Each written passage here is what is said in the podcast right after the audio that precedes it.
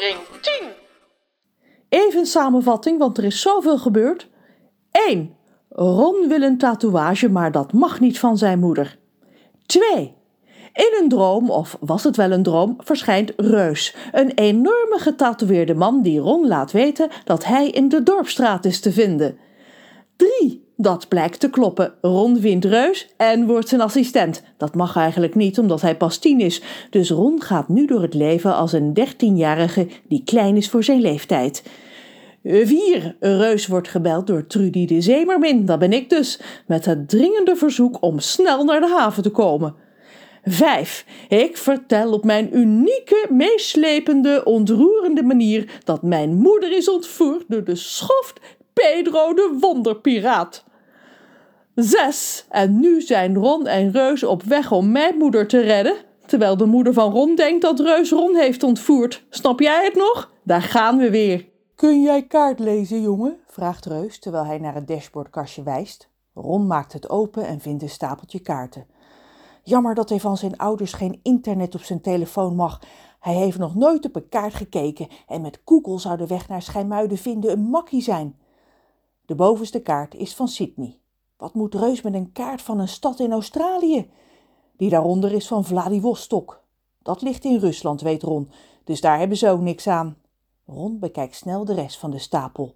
Mumbai, Glasgow, Santiago. Reus, heb je ook een kaart van hier? vraagt Ron. Zijn stem slaat van de spanning een beetje over. Uh, ik geloof het niet, zegt Reus. We zijn bijna het dorp uit, Ronnie. Weet je misschien ook de weg zonder kaart? Ron denkt na. Hij is wel eens met zijn vader en moeder naar het strand van Schijnmuiden geweest. Het ging al mis toen ze er net waren aangekomen.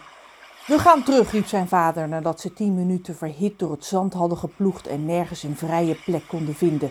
We gaan niet terug, riep zijn moeder verontwaardigd met een witte streep zonnebrandcrème op haar neus.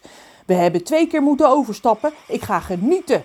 Doe dat vooral, ik ga naar huis, hijgde zijn vader. Hij liet de tassen met boterhammen, handdoeken en rond schep in het zand vallen en het zeewater stroomde er overheen.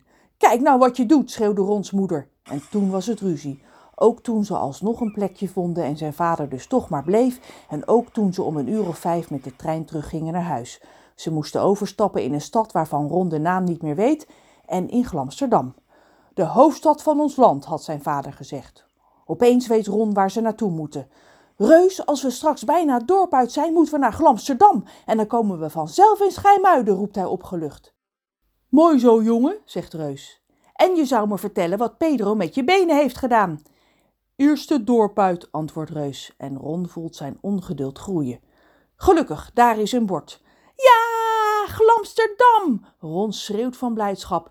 Linksaf, Reus. Nee, links. Reus geeft een ruk aan het stuur en ze rijden de snelweg op. En, vraagt Ron, hij ziet op het bord boven de snelweg dat ze nog 32 kilometer moeten rijden voordat ze bij Glamsterdam zijn.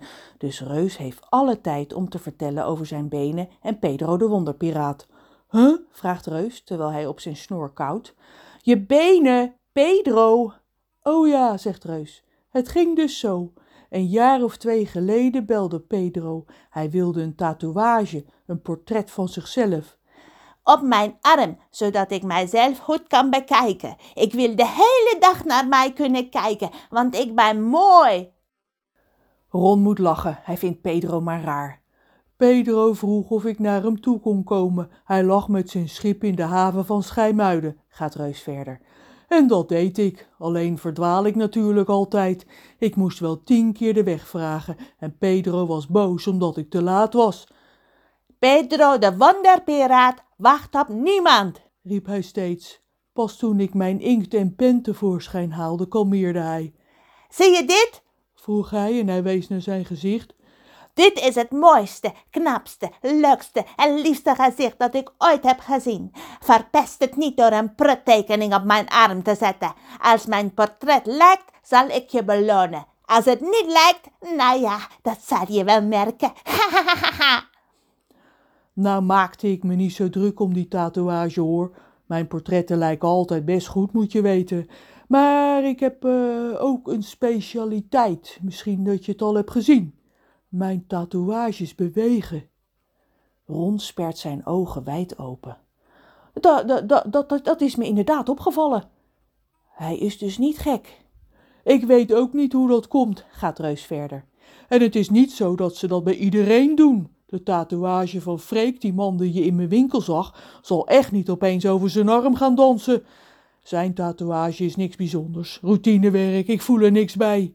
Maar als ik boos, verdrietig of iets anders ben terwijl ik tatoeëer, dan gaan mijn plaatjes leven. Ron kijkt naar de zeemermin op de wang van Reus. Ze houdt zich stil. Reus ziet dat Ron zijn wang bestudeert. Mijn eigen tatoeages leven ook. Dat zal wel komen omdat ik onder mijn huid zit.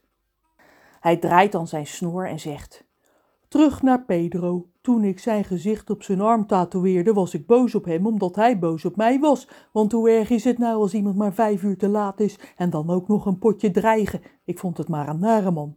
Maar goed, ik begon met tatoeëren. Ik maakte zijn gezicht voor de zekerheid wat mooier dan in werkelijkheid. En Pedro keek er heel tevreden naar toen het af was. Mooie man, jij bent een heel mooie man, zei hij tegen het portret. Maar toen hij het met zijn vingers aaide, gebeurde het. Auw, gilde hij opeens. Mijn tatoeage had hem gebeten in zijn vinger en dat kwam omdat ik boos op hem was. Ron grinnikt, hij vindt het nog steeds een grappig verhaal. Je zult begrijpen dat Pedro dit niet kon waarderen. Zijn bemanning greep me vast. Met z'n veertigen konden ze me net in bedwang houden. En toen zei hij: Ik ben Pedro de Wonderpiraat en ik laat me niet door mijn gezicht en mijn vinger bijten.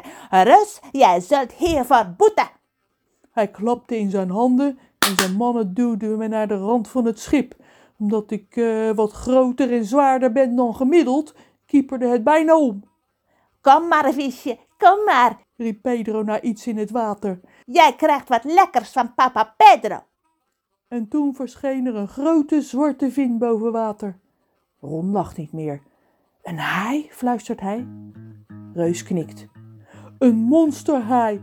Voor ik het wist lag ik in het water en zag ik een enorme muil met twee rijen scherpe tanden op me afkomen. Hij maakte een hakkend gebaar vlak boven zijn benen. Hop, weg waren ze. Geweldig, weg waren de benen van Reus. Uh, ja, nou, de verteller gaat verhuizen, dus jullie moeten iets langer wachten op de volgende aflevering. Tot dan. Adios. Ron Willem Tattoo is geschreven en geproduceerd door Margot de Graaf.